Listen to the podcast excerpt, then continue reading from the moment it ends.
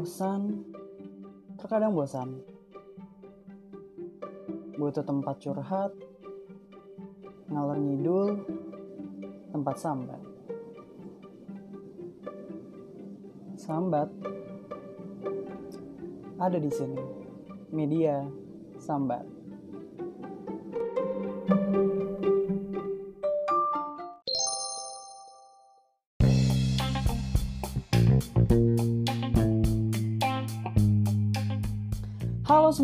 Kembali lagi di media Sambat Bersambat Ria bersama Farel. Nah, kali ini gue gak ditemenin sama siapa pun. Gue akan melakukan podcast ini sendirian. Karena gue sedang ada di Jakarta dan teman-teman gue sudah terpisah Secara jarak jauh ke mana pun mereka tinggal. Nah, kemarin pas gue pulang ke Jakarta sih nggak rame-rame banget. Di travel gue cuma bertiga dan itu juga kita jaraknya jauh-jauhan. Ya social distancing lah ya di travel. Terus kemarin juga udah malam jadi mungkin orang-orang udah mulai nggak beraktivitas. Gue sampai di Jakarta tuh sekitar jam berapa ya? 10 sekitar jam 10 terus langsung pulang ke rumah mandi bebersih bebenah. Dan di sinilah saya di rumah sendirian bikin podcast gitu ya. Sedih gitu rasanya nggak ada temen. Cuman ya mau bagaimana lagi? Karena kampus gue ternyata akhirnya memutuskan untuk uh, tidak mengadakan kuliah tatap muka selama satu semester ini. Jadi benar-benar sampai nanti awal Juni itu udah benar-benar gak ada semester terus gue jadi tinggal job track tinggal skripsian tinggal sidang. Jadi benar-benar kemarin satu bulan kemarin yang lalu itu bener-bener cuma buat ketemu teman hayahi empat minggu terus udah nggak ada kabar lagi. Nah hari ini gue akan ngebahas tentang sesuatu yang penting untuk diketahui oleh lolo pada tentang bagaimana sih uh, tetap produktif dalam masa karantina ini. Nah Salah satunya adalah dengan cara bekerja remotely. Bekerja remotely itu maksudnya kalian bekerja, tapi kalian nggak bertatap muka gitu. Kalian bisa menggunakan media lain untuk uh, mengerjakan uh, pekerjaan kalian dan tentunya bakal selesai gitu. Nah, bekerja remote ini pernah gue lakukan saat kemarin handle tiga klien. Emang kliennya nggak gede-gede sih, mungkin gak kayak Unilever atau mungkin kayak lipo itu mah gede banget nggak. Yang kecil-kecil cuman uh, walaupun dengan metode remote ini toh mereka ternyata puas dengan hasil yang sudah didapat. Nah daripada lama-lama aja mending kita langsung aja deh ke apa aja sih sebenarnya metode remote yang bisa dilakukan oleh orang-orang atau mungkin mahasiswa nih yang dengerin uh, podcast gue Oke, yang pertama itu adalah aplikasi yang dinamai Trello. Trello itu kalau kalian lihat di Play Store dia bentuknya kayak kotak, terus ada kotak lagi dalamnya warna putih tapi beda jarak gitu. Nah, Trello ini kalau dilihat dari Wikipedia adalah aplikasi pembuatan daftar gaya Kanban berbasis web yang merupakan anak perusahaan dari Atlassian awalnya dibuat oleh Creek Software pada tahun 2011, dibuat untuk membentuk basis perusahaan yang terpisah pada tahun 2014, dan kemudian dijual ke Atlassian pada tahun 2017, tepatnya di bulan Januari. Nah, Trello ini nih bisa uh, membantu kamu untuk menyusun kerja dan rencana kerjanya. Karena banyak banget manfaat dari Trello-nya ini. Trello bisa sangat mempermudah progres pekerjaan kamu. Kamu bisa melakukan kolaborasi, mengundang orang lain, serta uh, bekerja bersama-sama di dalam Trello itu. Kamu tinggal masukkan email, password, create new account ya seperti akun-akun biasa. Udah tau lah ya kalau anak milenial. Nah, fitur-fitur di Trello ini banyak banget. Yang pertama ada board. Board atau papan adalah sebuah penanda pekerjaan yang sedang kamu kerjakan sekarang. Nah, kamu bisa memberikan tema board ini sesuai nama proyeknya. Selain untuk pekerjaan, Trello juga bisa digunakan untuk anak sekolah dan kuliah. Nah, jadi board ini semacam uh, uh, papan besarnya gitu loh, kayak misalnya uh, mata kuliah apa atau misalnya organisasi apa gitu. Nah, di dalam board ini ada yang namanya list. List ini adalah daftar langkah kerja atau tahapan yang, yang harus diselesaikan dalam proyek kamu. Membuatnya list, membuat list mudah banget, letaknya ada di bawah nama board. Nanti ketika nama list, terus kalian enter, nanti listnya geser lagi, jadi kayak bisa bertambah uh, ke samping. Nah, selain itu ada card. Nah, card ini di dalamnya list. Jadi kayak detail kecilnya dari list apa yang harus kalian lakukan dalam uh, memprogres kerjaan kalian. Dan warnanya juga bisa diubah. Asiknya dari paket Trello sebenarnya dia bisa terintegrasi pakai kalender atau mungkin Google Drive. Jadi kalian nggak perlu khawatir kalau misalnya filenya bakal terpecah-pecah. Jadi kalian bisa menyatukannya dalam satu tempat gitu. Seru sih pakai Trello. Kemarin gue juga pakai Trello untuk social media management dan alhamdulillah berhasil gitu mungkin karena harus belajar juga kali ya gimana caranya jadi tech savvy cuman menurut gue Trello adalah hal yang cukup bisa dipahami uh, gitulah sama pemula nah lanjut dari Trello ada juga yang namanya Notion nah Notion ini diperkenalkan sama bos gue dulu waktu kita satu project. Nah, Notion ini sebenarnya agak sim agak gue masih agak bingung sih cara kerjanya gimana. Cuman dia sangat-sangat simpel dan setelah gue ulik memang sangat banyak fiturnya, sangat amat banyak dan sebenarnya simpel. Kalau lo lo paham tentang Notion. Nah, sebenarnya apa sih Notion nih? Kalau misalnya kita ngeliat dari Wikipedia, Notion itu adalah uh, sebuah aplikasi yang uh, dia memiliki fungsi hampir sama sebenarnya dengan Trello. Dia adalah platform collaboration. Nah, dengan metode Kanban, balik lagi kan, metodenya Kanban. Ada board, ada task, ada whisky, sama database. Jadi dia lebih leng lebih lengkap lagi. Dan ini sangat-sangat gampang dan sangat-sangat enak dipakai untuk note taking dan data management. Percaya deh, waktu itu gue bikin note beberapa kali di Notion dan itu sangat-sangat bagus kayak gue bisa menemukan dengan gampang. Dan so far Notion itu menyediakan kayak tabel uh, berbagai macam subjudul terus misalnya board. Jadi dia sejauh ini menurut gue lebih lengkap dan Trello, dari Trello. Dan ukuran aplikasinya itu sangat-sangat ramping. Kalau nggak salah kemarin gue cek cuma 17 megabyte di Play Store.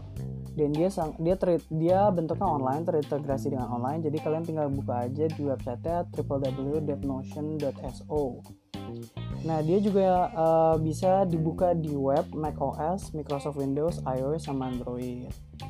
Tampilannya cukup slick sih kayak cuma putih. Kayak kalian misalnya pengguna iOS kalau misalnya bukan notes warnanya putih terus ada ketikannya udah gitu doang. Tapi sangat banyak isinya. Dan emang kalau menurut gue kalian harus bisa mengulik.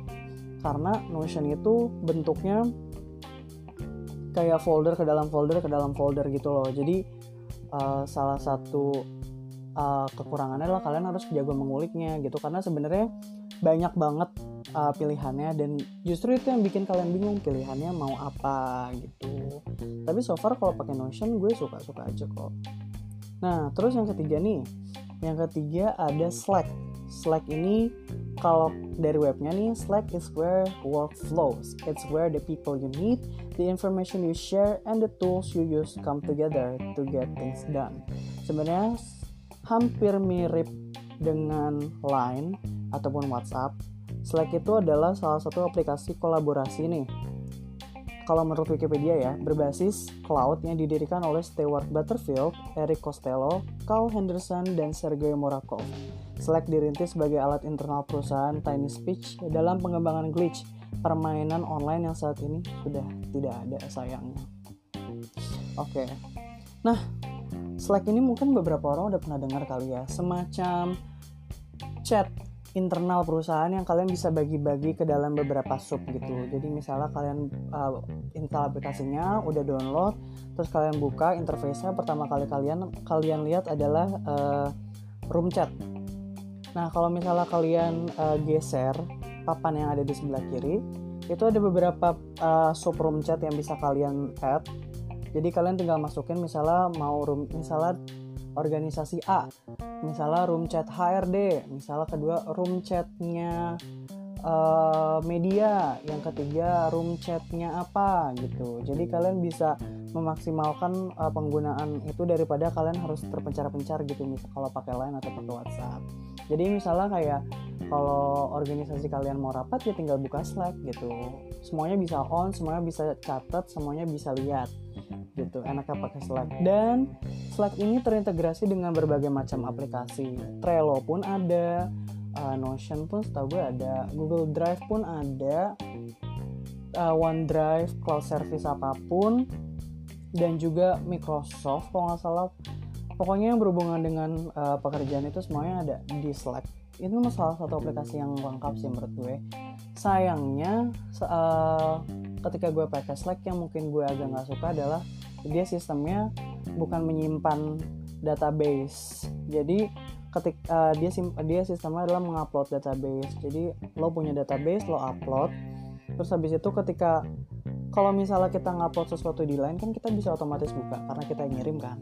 Nah kalau di Slack nggak kita ngupload kitanya juga ngedownload. Jadi mungkin kalau misalnya kalian punya kuota terbatas itu agak harus dipikirin lagi gitu karena Slack ini uh, salah satu menurut gue kekurangan di situ dan yang kedua adalah mungkin nggak semua orang paham cara penggunaan Slack karena dia itu nggak sesimpel Line atau WhatsApp dia punya beberapa fitur yang orang juga kadang-kadang mikir sebenarnya fiturnya apa aja sih jadi kalau uh, mungkin lo pada belum bisa maksimalin se uh, bagaimana Slack itu sebenarnya diciptakan. Oh, gua haus ya. nah, selain Slack ada juga nih. Uh, satu lagi gue juga baru uh, dengar sih. Bukan dengar sebenarnya gue udah tahu udah lama cuman kayak baru ke inget lagi yaitu namanya Asana. Nah Asana ini sebenarnya mirip sama Slack. Kalau di websitenya dia bilang easily organize and plan workflow, projects and more, so you can keep your team work and uh, work on schedule.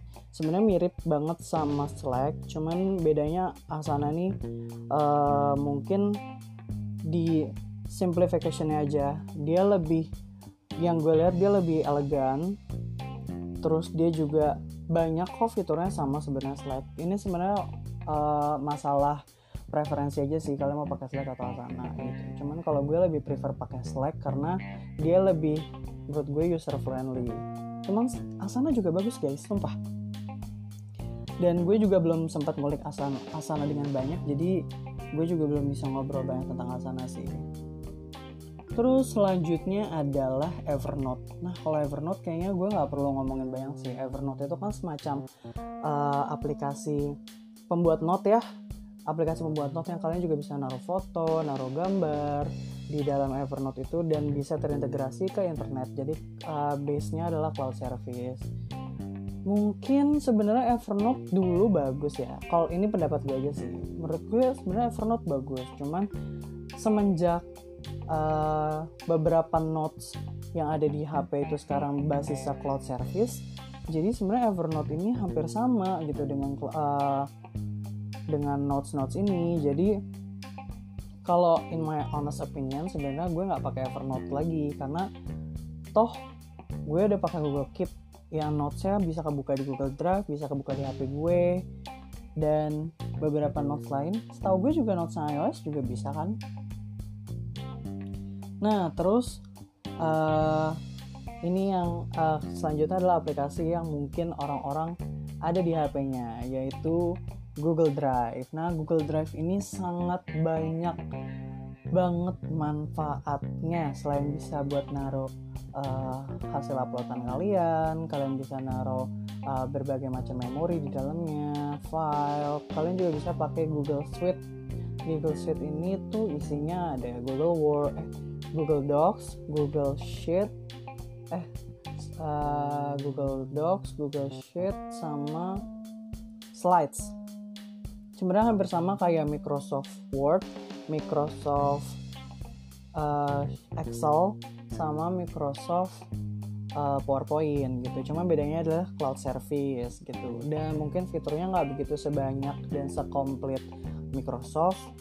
Cuman worth it kok kalau misalnya kalian uh, dikejar deadline, terus kalian nggak bisa buka laptop, kalian bisa pakai HP untuk ngetik gitu. Itu sangat-sangat membantu kalian guys. Sumpah, gue semenjak pakai uh, G Suite ini jadi lebih produktif aja gitu. Bahkan di, di kelas kalau misalnya dosennya tiba-tiba nggak masuk atau misalnya gue lagi di kantin dan gue harus ngejar deadline gue bisa menggunakan G Suite ini. Nah G Suite ini juga ada Google Keep. Google Keep ini semacam notes.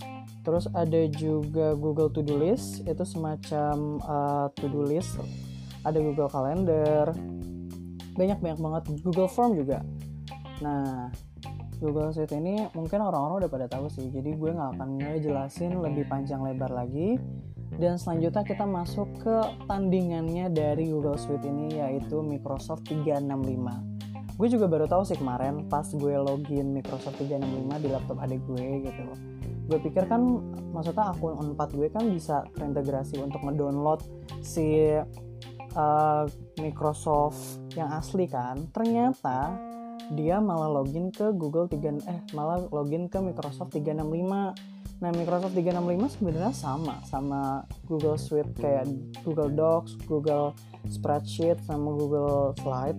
Cuma bedanya adalah dia punya Microsoft dan menurut gue ini sangat menguntungkan buat kalian yang butuh fitur tambahan tapi uh, mau yang cloud service selain maksud selain aplikasi Microsoft yang sekarang udah berbasis OneDrive cloud service kalian juga bisa buka Microsoft 365 kalau kalian punya akun premiumnya ya kayak akun Unpad gue dan akun mahasiswa-mahasiswa Unpad lain kalian tinggal buka website Microsoft 365 dan kalian bisa uh, ngebikin tulisan, ngebikin presentasi, ngebikin tabel itu mudah banget karena kalian cuma tinggal mengandalkan browser. Nah, sampai sini banyak banget gak sih? gue juga sampai capek banget.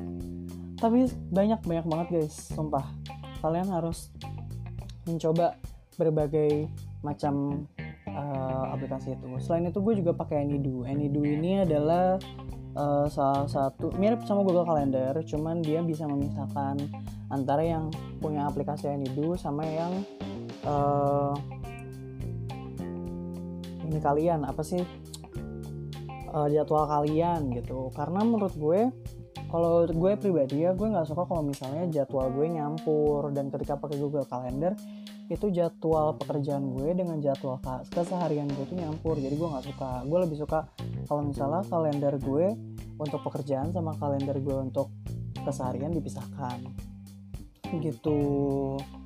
Banyak banget ya cuy. Nah kalian juga bisa nih. Kalau nggak bisa keluar nggak bisa nge-scan kalian bisa pakai scanner yang ada di Android banyak banget. Gue kalau gue tuh pakainya yang punyanya Microsoft. Bukan gue lupa. Iya Microsoft Lens. Ya Allah kenapa gue jadi lupa sendiri? Ya pokok uh, namanya Microsoft Lens. Jadi Microsoft Lens ini semacam scanner buat HP uh, kalian bisa nge-scan berbagai dokumen dan itu bisa disimpan secara cloud service ke OneDrive kalian. Jadi kalian nggak perlu takut untuk mengupload untuk uh, kehilangan data-data itu karena toh semuanya udah cloud service kan. Jadi kalian tinggal akses aja di internet kalian tinggal download. Jadi kalian nggak perlu panik kalau misalnya nanti ditanyain ke mana nih tugas-tugas lu? Ada semua cuy keren banget. Emang sebenarnya zaman sekarang tuh sangat-sangat banyak banget teknologi yang bisa lo gunakan. Cuman tinggal lo aja mau belajar apa enggak gitu. Selain itu kalau sekarang nih kan lo nggak bisa conferencing kan? Nggak bisa ketemu tapi butuh rapat butuh presentasi. Nah gue merekomendasikan menggunakan dua aplikasi ini. Yang pertama adalah Hangouts atau Google Meet. Sebenarnya mirip itu adalah sebuah chat. Uh, chat yang kalian bisa video call di dalamnya. Kelebihannya apa sih? Sebenarnya kelebihannya karena ini terintegrasi sama Google yang lain jadi kalian lebih gampang untuk mengakses file. Yang kedua adalah Zoom. Nah Zoom ini sangat baru banget nih gue menggunakan. Dan itu sebenarnya bagus bagus banget. Cuman kalian harus download aplikasinya karena setahu gue gue nggak tahu sih karena dari kemarin gue nyoba di webnya dan dia nggak bisa kebuka. Zoom ini sama video conferencing juga. Bisa banyak banget kok setahu gue sampai 50 orang bisa masuk di Zoom. Dan kalian bisa rapat di situ bareng-bareng gitu. Kalian nggak perlu takut lah udah nggak apa-apa nggak usah video call. Kayak teman gue juga video call pakai nah juga santai aja. Gitu. Banyak banget ya. Aduh gue sampai pegel. Terus apalagi ya? Hmm. nah selain itu nih gue juga suka pakai aplikasi ini nah aplikasi ini yang terakhir deh. Biar lo semua gue juga pusing. Aplikasi ini adalah bagaimana kalian memanage media sosial. Karena menurut gue sekarang setelah semuanya working remote orang-orang jadi susah untuk dikontak gitu loh. Dan kalian nggak bisa yang tiba-tiba nelpon kan nggak sopan. Jadi menurut gue gue akan menyarankan memakai Hootsuite dan Buffer. Sebenarnya keduanya memiliki persamaan yaitu sama-sama social media planner. Dan kalian bisa auto post kalau misalnya akun kalian akun bisnis dengan official account dari Facebook gitu. Dengan dengan kalian mempunyai akun Facebook kalian bisa uh, bisa mengupload sesuatu dengan cara otomatis. Nah bedanya adalah buffer ini uh, dia mempunyai uh, buffer ini tuh ada beberapa di di antara buffer sama Hootsuite ini ada beberapa uh, sosial media yang nggak ada. Jadi kalian kalau misalnya mau banyak pilihan sosial medianya kalian mending install dua-duanya. Dua-duanya fungsinya sama sih. Cuman kalau Hootsuite kalau kalian bayar Hootsuite ini mempunyai uh, apa ya fitur untuk menganalisis menganalisis menganalisis engagement kalian sama um, sama uh, sama audiens audiens kalian gitu. Jadi kalau kalau misalnya kalian mau berbayar versi mahal lebih bagus sih. Nah itu sih sebenarnya yang gue pakai ada juga sebenarnya Dropbox Paper sebenarnya sama kayak Google Docs cuman gue nggak begitu suka pakai karena terlalu simple dan menurut gue memakai Google Docs yang lebih uh, user friendly itu lebih better better banget dibandingkan pakai uh, Dropbox Paper. Walaupun Dropbox juga sebenarnya bagus cuman uh, karena emang menurut gue nggak user friendly buat diri gue ya jadi I decided not to use Dropbox Paper. Nah, banyak banget kan sebenarnya aplikasi yang bisa kalian gunakan gitu untuk working remotely. Nah, tinggal kalian nih kan gue udah ngasih informasinya, tinggal kalian yang belajar dan memutuskan mau apa enggak mulai hari ini lebih aware lagi dengan teknologi yang ada, lebih mau belajar lagi dengan teknologi yang ada. Karena percaya sama gue, orang yang pintar itu banyak tapi orang yang pintar dan bisa memanfaatkan teknologi itu jauh lebih baik daripada orang yang pintar manage sesuatu tetapi dia nggak mau belajar dengan dengan teknologi yang baru. Percaya sama gue. Nah kalau udah sampai sini kalian udah capek gue juga capek. Nah daripada kita lama-lama langsung aja kita akhiri. Terima kasih telah mendengarkan podcast gue Sampai bertemu di podcast selanjutnya. Dadah.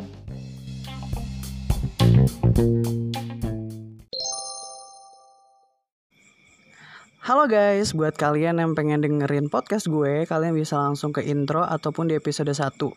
Jangan lupa ya dengerin media sampai terus.